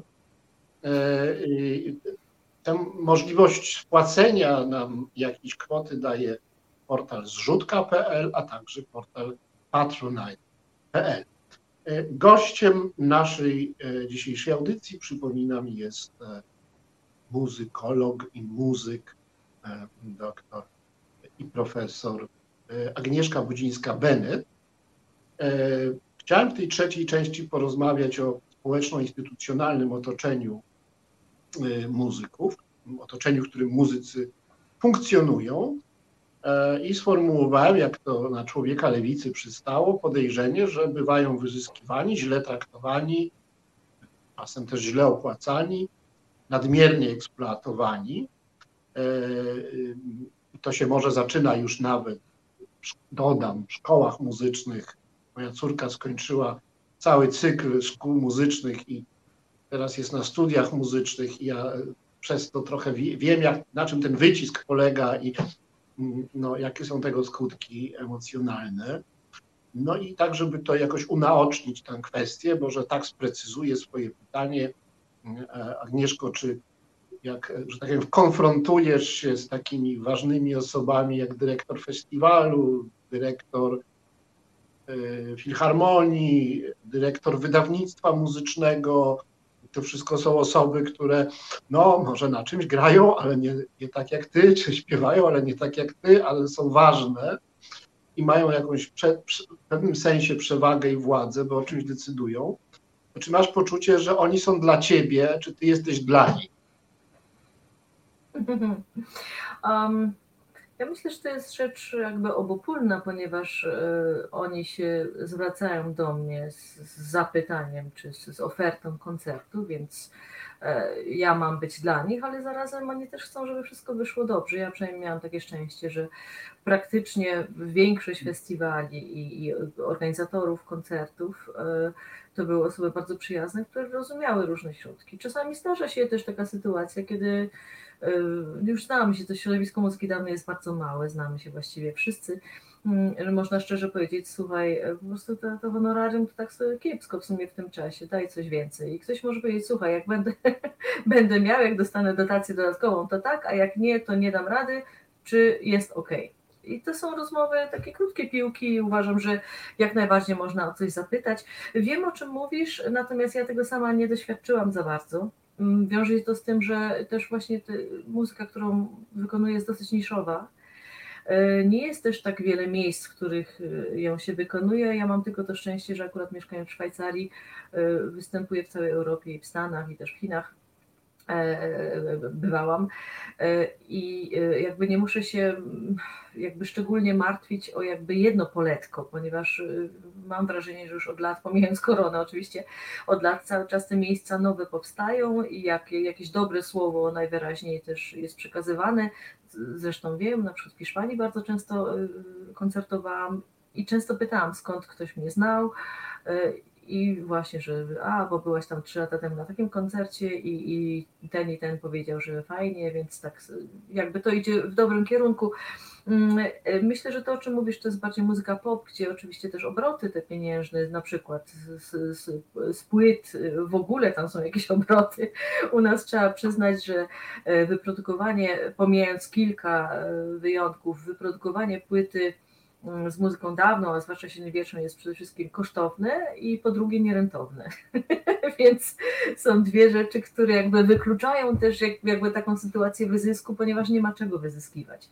Mm, płyta e, e, właściwie w dniu dzisiejszym jest tylko i wyłącznie wizytówką, ona tylko pokazuje, że zrobiłeś jakiś nowy, ciekawy program i wysyłasz tą płytę de facto e, właśnie, czy, czy, czy dajesz na jakimś festiwalu, może za dwa lata komuś będzie ten temat pasował, i zostaniesz zaproszony na nowo. Natomiast y, powiem y, tak, jestem, ponieważ właśnie mieszkam w Szwajcarii od dłuższego czasu, nauczyłam się tu przynajmniej jednej rzeczy. Y, zostało mi unaocznione coś następującego. Jeżeli zażądasz za mało pieniędzy za Twoją pracę, to wiąże się to z podejrzeniem, że jesteś niekompetentny. Na samym początku, kiedy ja sobie w ogóle jeszcze wyjechałam do Szwajcarii w roku 97, a różnica między złotówką i w ogóle zarobkiem a frankiem po dziś dzień jest ona ogromna, natomiast wtedy była jeszcze większa, więc e, pewne sumy we frankach mi przez gardło nie mogły przejść, bo mi się wydawało, że to jakiś majątek straszliwy. E, I bardzo wielu Szwajcarów mi powiedziało, Agnieszka, nie, nie, nie, nie, ale ty mówisz trzy razy tyle, najwyżej zjedziesz. ale e, jeżeli powiesz taką a taką sumę, to ktoś pomyśli, że ty jesteś, że jeszcze studiujesz, albo jesteś niedouczona, albo. I e, powiem szczerze, że zaczęłam zupełnie, może nie bezczelnie, ale właśnie z taką oczywistością szwajcarską tą zasadę stosować również w innych krajach. I zdarza mi się powiedzieć nie, bo uważam, że jeżeli ktoś nie ma do zaoferowania, jest, jest pewien przedział, często podaję na przykład przedział finansowy też, taki koncept, generalnie zostajemy za ten koncept tyle i tyle, do tylu i tylu. Jeżeli są Państwo w stanie jakiś bogaty festiwal zapłacić, no to super, że nie. I zupełnie często zdarza się, że ktoś mówi, aha, to spoko i bierze tą górną półkę. Uważam, że organizatorzy też no. chcą troszeczkę mieć swobody w tym, że ktoś ich nie, nie, nie przygwoździ albo nie stawia im ultimatum. Ja im często daje wybór i bardzo często wychodzi to na dobre. Może to jest moje akurat szczęśliwe doświadczenie, y, ale wydaje mi się, że ważne jest bardzo klarownie też jeżeli ktoś nie jest w stanie zrozumieć, ile pracy ty włożyłeś w przygotowanie danego koncertu, czy włożysz, czy próby, mhm. diety, podróże i tak dalej, jeżeli ktoś ci proponuje jakąś absurdalną sumę, to trzeba to też głośno powiedzieć. E, mówię, dla mnie było to może o wiele prostsze, ponieważ jeżeli dostałam absurdalną propozycję z krajów, które e, jakby są mniej zamożne, mi się po prostu nie opłacało ruszyć z miejsca zamieszkania. Oczywiście jest to problem, jeżeli zaczynasz karierę, bo e, oczywiście młodzi ludzie chcą i powinni się pokazywać, ale są pewne granice tego dumpingu. Także staram się też wychowywać, e, czy to moich studentów, zwracać im uwagę na to, że przynajmniej powinni zapytać, albo dosłownie powiedzieć, że tym razem na przykład, jeżeli już są w takiej sytuacji, że chcą koniecznie e, coś zaśpiewać czy zagrać, w tym momencie teraz zrobię to, ale uważam, że to nie jest odpowiednia suma i na przykład w przyszłości nie może Pan na mnie liczyć. Więc to są różne jakby właśnie różne stadia też rozwoju, czy kariery, czy możliwości, czy, czy, czy no i pragnienia. Natomiast jeżeli notorycznie ktoś gra za mało, albo znam niestety, a to mhm. akurat w Polsce, bardzo wielu kolegów, którzy są notorycznie niepłaceni za jakiś koncert i to naprawdę już chyba szósty czy siódmy raz przez jedną i tę samą osobę, to tego zupełnie nie rozumiem. Nie jestem w stanie zrozumieć. Czy to nie psuje stosunków w świecie muzycznym, że jest ta część niemerkantylna, e, e, bo zbyt wyrafinowana, niszowa, nierozpropagowana, trudna. E, do tej części świata muzycznego należy ta, powiedzmy, muzyka dawna, bardzo dawna, przed XVIII mhm. wiekiem. Potem się Potem się zaczyna muzyka, którą można zmonetyzować.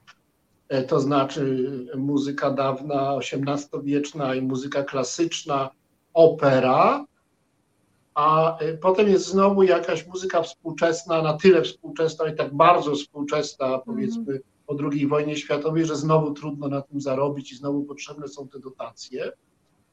E, I e, no, ci, którzy są w tej niemerkantylnej części, no, są zależni instytucjonalnie od tych, którzy no, organizują te mhm. dotacje jakby i czasem sami muszą mhm. być e, w to zaangażowani. I też jakby czasem są w różnych takich dwuznacznych sytuacjach, bo są imprezy no, biletowane, niebiletowane, mhm. nie wiadomo za bardzo dokładnie, jaki schemat biznesowy za tym stoi, kto zawiaduje pieniędzmi, honorariami, jest dużo jakichś nieporozumień. A, a, a, z drugiej strony są właśnie ci, którzy funkcjonują w warunkach rynkowych i tam no, są właśnie eksploatowani, mają od swoich impresariów, którzy mają ich chronić przed złymi umowami, ale ci impresarios wcale nie są w pełni godni zaufania, bo mają cały portfel tych swoich śpiewaków czy muzyków.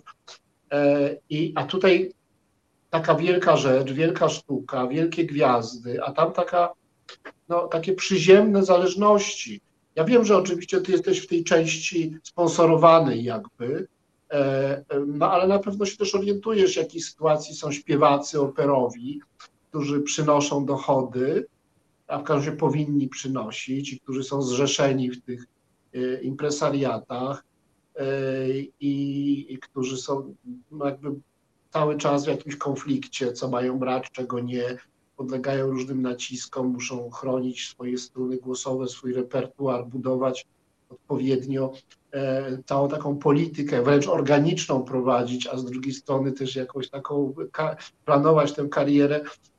Czy to jest generalnie ten rynek w cudzysłowie, bo to się nie powinno być rynkiem tak naprawdę, ale czy ten rynek muzyczny jest zdrowy, czy tam jest E, e, za dużo kapitalizmu z jednej strony, a za dużo klientyzmu z drugiej? e, i że sztuka na tym cierpi, bo zawsze na pierwszym miejscu są kwestie organizacyjne, finansowe i, i powiedzmy widzi się dyrektorów, krytyków, redaktorów, wydawców, a, a muzycy, ich opinie, ich zdanie, ich uczucia, ich ambicje, pragnienia są gdzieś z tyłu. Ja nie wiem, czy jestem osobą, która na takie pytanie powinna odpowiedzieć, ponieważ e, nie jestem sponsorowana, może dodam. E, moja działalność muzyczna jest stricte freelancerska i bardzo niszowa. E, to ma swoje dobre i złe strony. Oczywiście to nie jest tak, że ja nie, nie zarabiam jakichś pieniędzy właśnie gwiazdy operowe, czy coś takiego, bynajmniej, daleka jestem od tego. Natomiast mam ogromną swobodę wybierania tego, co robię i z kim współpracuję i gdzie występuję. E, tutaj, no widzisz, bo my mówimy o jakby może też dwóch różnych rzeczach, czy, czy ja, ja w ogóle nie istnieję w takim świecie, który jest właśnie związany z impresariatem, czy, czy, czy z monetyzowaniem czegokolwiek, bo jak wspominam, to jest nisza, e, ale jakoś dzięki zresztą e, właśnie redaktorom muzycznym, radiowym, wiele osób z tego świata bardzo mi osobiście pomogło i też rozpropagowało to, co robię, E, dzięki nim też jakiś tam status sobie osiągnęłam w kraju i za granicą. E, ale e, ja będąc freelancerem, jesteś sobie panem, masz dużo pracy. Ja mam bardzo dużo pracy biurowej. Ja codziennie, spokojnie z 3-4 godziny biurowo muszę pracować, żeby móc zaśpiewać. Więc e, też tutaj jest akwizycja koncertów, czy, czy tu jest, nie wiem, no, od wszystkich normalnych, trywialnych rzeczy, od robienia website, od zorganizowania sesji fotograficznej, e, zorganizowanie pomieszczenia na próby tak itd. Tak mm, e, ale to jest nasze życie i na to, żeśmy się zdecydowali jakoś tam kiedyś, w którymś momencie. I to też, też ma swoje ogromne uroki. Mnie osobiście to bardzo odpowiada, bo ja bym nie była w stanie być w jakimś trybie właśnie, zresztą nigdy nie, nie byłam kształcona na śpiewaczkę operową stricte. E, byłam kształcona zawsze już w muzyce dawnej, e, głosowo również, więc ja bym nie była w stanie, mnie nie interesuje właśnie bycie w impresariacie i czekanie, czy ja zaśpiewam tą toskę, czy jej nie zaśpiewam, mm, bo uważam, że tutaj akurat moje nie wiem, czy moje talenty, czy moje też jakby pragnienie indywidualizmu, ale nie w sensie dla mnie samej, tylko szukanie niszowej sztuki, czy też odkrywanie rzeczy, których inni ludzie może nie, nie chcą albo nie mają ku temu środków, również intelektualnych, to mnie interesowało bardziej i tak się złożyło, że jestem w stanie z tego żyć, z, z kombinacji oczywiście moich e, fachów, że tak powiem. E, ale tej innej strony nie znam e, za bardzo. Uważam tylko, że we freelancerstwie powinniśmy być rzeczywiście solidarni i przynajmniej moje kręgi takie są, że jeżeli ktoś nie jest w stanie jakiegoś koncertu zaśpiewać, to przekazuje to komuś innemu, mhm. jeżeli już coś jest. to jest zupełnie jakby inny świat. I przez to, że to jest muzyka kameralna, tu nie ma właśnie myślenia solistycznego, tu nie ma właśnie myślenia, że ktoś mnie gdzieś obsadzi jeżeli chciałabym to zrobić, ja muszę sobie sama zorganizować. I wtedy się to też bardziej ceni, uważam, i, i, i też to jest dobry, dobra równowaga między też właśnie tym, co robię oprócz tego muzykologicznie czy, czy pedagogicznie. No, to jest kombinacja różnych umiejętności, różnych pomniejszych czy zatrudnień, czy właśnie freelancerstwa, ale ona mi bardzo odpowiada i tak jak, jak żeś mnie e, szczodrze zapowiedział, rzeczywiście wszystkie te rzeczy robię cały czas i z tego to, to konstytuuje moje, moją pracę zawodową.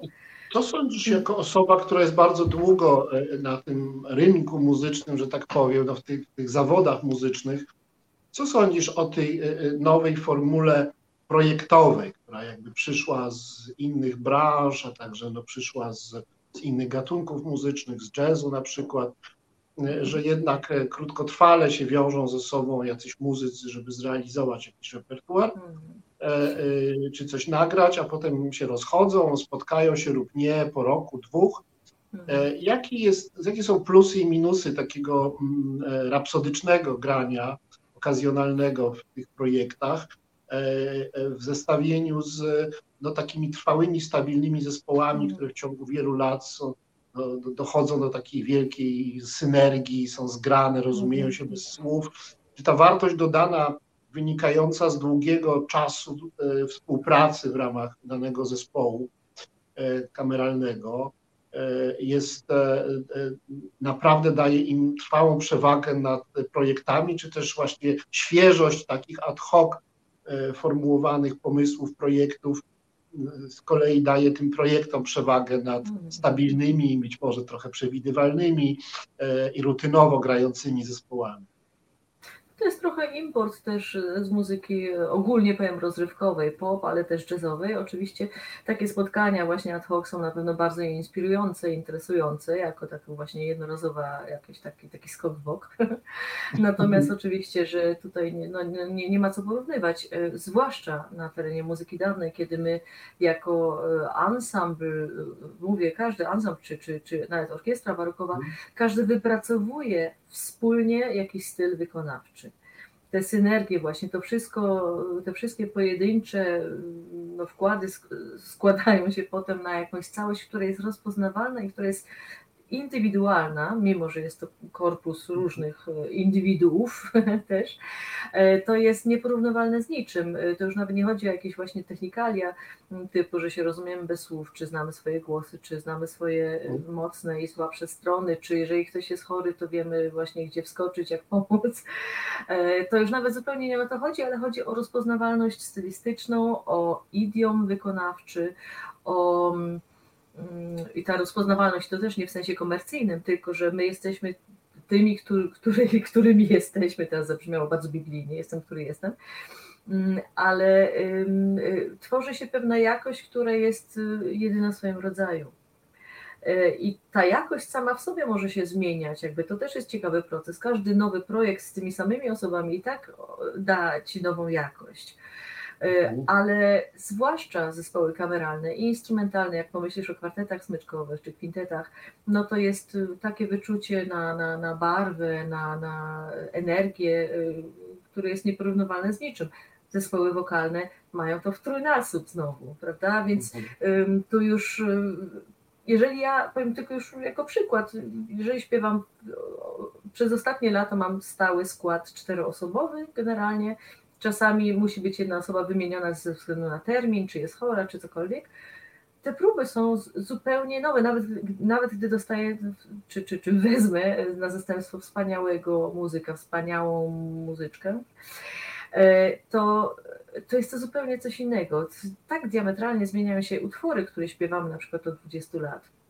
Czy te energia tych koncertów to jest zupełnie coś innego. To już dla mnie jest zupełnie ad hoc. A nie mówię o, o w ogóle kontakcie z jakimś zupełnie nam nieznanym muzykiem, który nagle improwizuje i tak dalej to są uważam, że granie razem, no na tym polega kameralistyka generalnie. Oczywiście większe ensemble trudno jest to mhm. osiągnąć, żeby grały te same osoby, no to siłą rzeczy, ale y, przynajmniej taki, taki trzon stały już też bardzo wiele decyduje o tym, że jest to stała jakość. Bo to jest praca nad jakością, to jest praca nie nad tym, żeby właśnie czymś zaszokować i właśnie coś nowego. Powiem szczerze, coś nowego nas w ogóle w muzyce dawno nie interesuje. Nowa jakość. Nam chodzi o, znaczy tym, tym hardkorowym, takim, takim jak ja, mhm. nam chodzi o repertuary, które są nowe, które my od, odkrywamy na nowo. Tam jest tyle nowości, że my musimy się wycofać do tyłu i, i to, że coś dla nas miałoby być nowe czy, czy odświeżające, to akurat nikogo nie interesuje, uważam. Ale też rozumiem, że bardzo szczególna więź rodzi się między y, stale przez wiele lat grającymi ze sobą muzykami.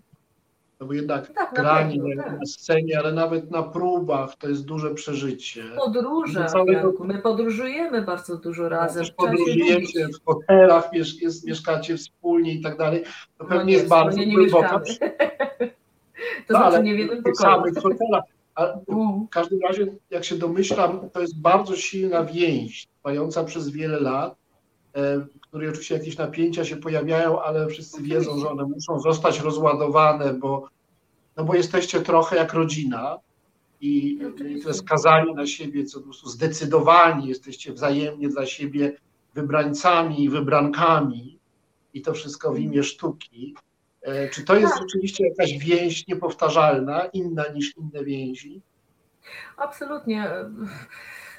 Można sobie wyobrazić, no właśnie to w muzyce kameralnej to też tak jest, ale na przykład jeżeli ja śpiewam e, jakiś koncert tylko z drugą osobą, no już wspominałam, że śpiewam, zdarzy się, że śpiewam sama. Właściwie całe życie chciałam śpiewać z innymi, a teraz e, Bozia mnie skazała na śpiewanie samej, samopas. Ale jeżeli śpiewam z drugą osobą, no to jest to coś tak intymnego, bo jesteśmy zdane na siebie i każda doskonale właśnie wie, w którym momencie ta druga osoba nie wiem, ma jakiś e, problem głosowy, czy jakieś miejsce, które jej tam notorycznie nie wychodzi, czy, czy utwór, którego się boi, bo to wszystko przecież wiemy o sobie. To są strasznie intymne e, spotkania na scenie i, i, i poza nią. I tak jak mówiłam, trzeba się lubić, a przynajmniej nauczyć się lubić. Na przykład nie wszystkie moje dziewczyny są jakimiś moimi przyjaciółkami, czy, czy z, z tą mogę rozmawiać o tym, z tą o innym, ale e, tak żeśmy się dograły, ponieważ to, to jest taki też przymusowy aranż, małżeństwo z rozsądku, ponieważ wiemy, że jeżeli na przykład gdzieś mamy jakieś turne, na, na przykład w Stanach, 7 dni, jesteśmy cały czas razem, w samolocie razem, tak jak mówisz, w hotelu razem, przy śniadaniu, ja na przykład nie lubię nikogo widzieć przy śniadaniu. No ale moje dziewczyny już polubiłam lubić, bo, bo nie da się tego uniknąć. E, I, ale to też dbam zawsze, żeby była dobra atmosfera, bo uważam, że każdy zafunkcjonuje lepiej sam, jeżeli jest wspierany, a, a nie jeżeli jest od niego wymagane.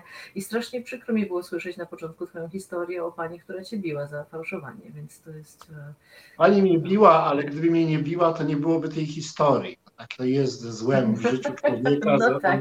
z czasem się wkomponowuje w tą biografię i ją ubarwia. Zatem to, mhm. to pani była zaburzona, jakby to ja jej no tak, tak, tak. Tylko, że e, wtedy Ale może niekoniecznie o tym wiedziałeś. Mhm.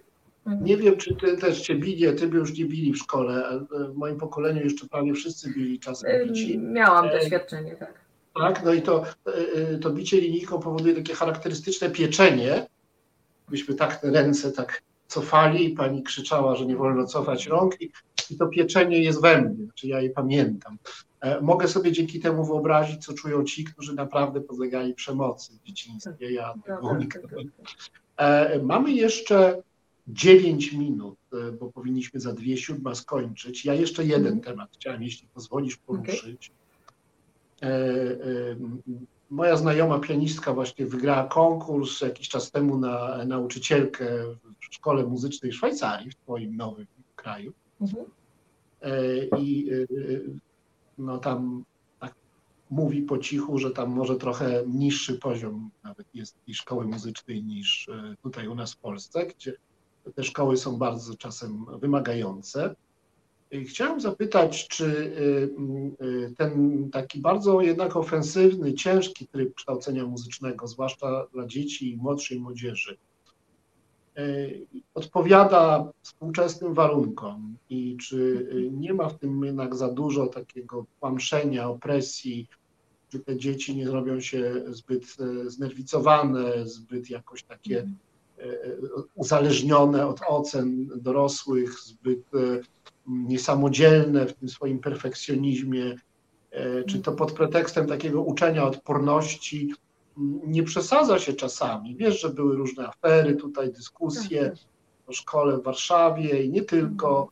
E, no ja sobie to pytanie zadaję, bo na uczelni wyższej, w akademiach muzycznych aż tak, e, takiej taki presji wielkiej nie ma jakoś, jest e, to wszystko jakoś bardziej po, po ludzku się wydaje, a, a w tych szkołach średnich jakoś jest szczególnie ciężko. Jak, jakie są Twoje opinie odnośnie do systemu kształcenia muzyki? Wiesz, ten system też się zmienił. Oczywiście się kształciłam w szkole średniej jeszcze e, pod koniec lat 80., na początku 90. Może powiem tak, oczywiście, że jest to bardzo zależne od konstytucji psychicznej danego dziecka czy, czy młodej osoby, rzecz jasna. E, tutaj no, mam nadzieję, że nauczyciele też i, i wiem, że tak czynią, że, że, że zdają sobie sprawę, komu można mm, co, co zaproponować. Może tak, ja bardzo się stresowałam w szkole, jakkolwiek się dobrze uczyłam, ale na przykład szkoła muzyczna mnie też stresowało, bo, bo, bo granie na fortepianie mnie po prostu stresowało straszliwie, e, chociaż nie byłam w tym najgorsza. Ale cenię sobie, ja wiem, że to trochę strasznie zabrzmi, zwłaszcza w perspektywie tych, tych no, nowych, e, różnych opinii na temat zwłaszcza szkoły teatralnej, bo chyba do tego piłeś trochę. Cenię sobie trochę jednak, że to było zupełnie, że to był stres zupełnie prawdziwy. E, to nie jest tak, że grając bardzo dużo nagle zacznie się grać i, i człowiek nie ma stresu. Ten stres zostaje zawsze. Natomiast mimo wszystko ja wiem, że będąc zmuszana jakby, razu nie, nie jakoś nie fizycznie, ale zmuszana do tego, że trzeba się prezentować, że są egzaminy, że to są egzaminy publiczne, um, jestem w stanie sobie powiedzieć przed każdym koncertem, że ja tych koncertów już przeżyłam 150 milionów i tak naprawdę to nigdy się nie zdarzyło nic jak straszliwie okrutnego i że ja sobie tym razem też jakby dam radę. To, że mnie to wtedy stresowało, to jest inna parę kaloszy, bo też zdarzało się bezsenne noce, no bo to, to, to jest coś, nie, no, to jest poważna sprawa.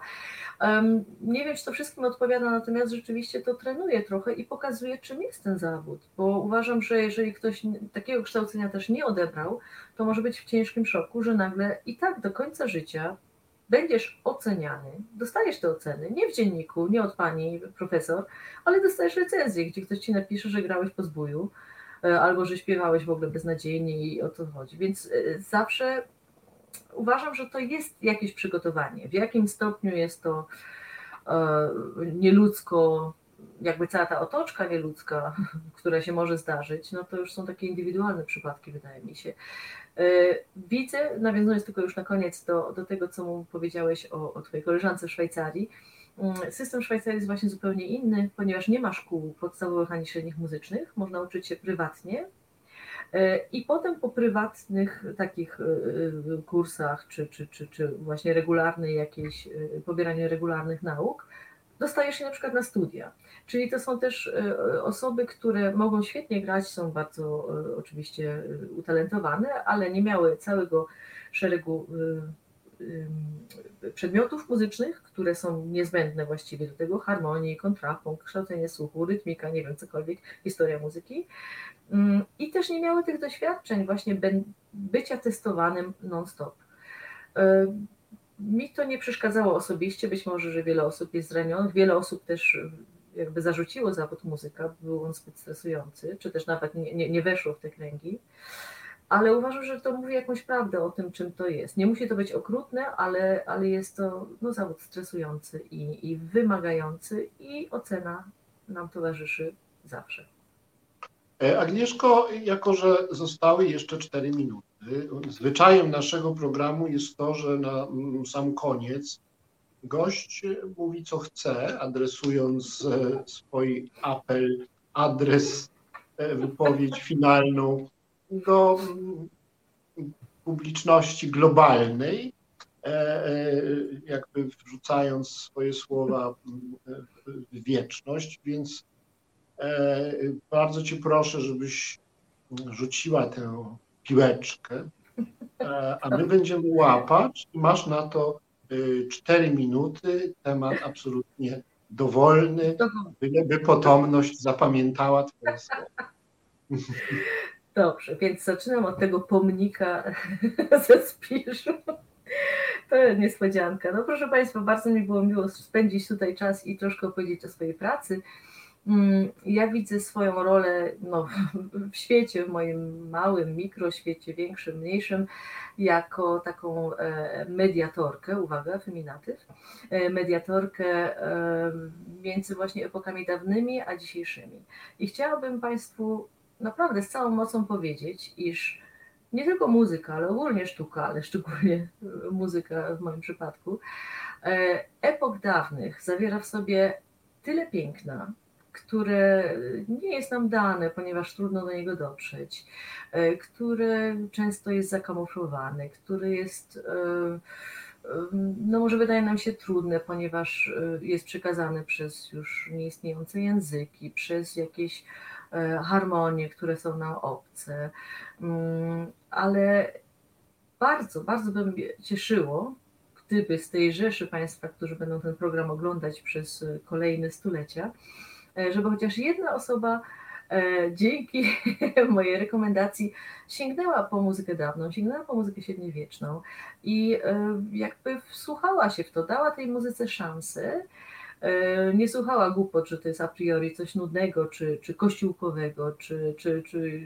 nie wiem, no właśnie, albo że to jest tylko jakiś chill out, albo medytacja. Tam jest mnóstwo życia, tam jest mnóstwo kolorów.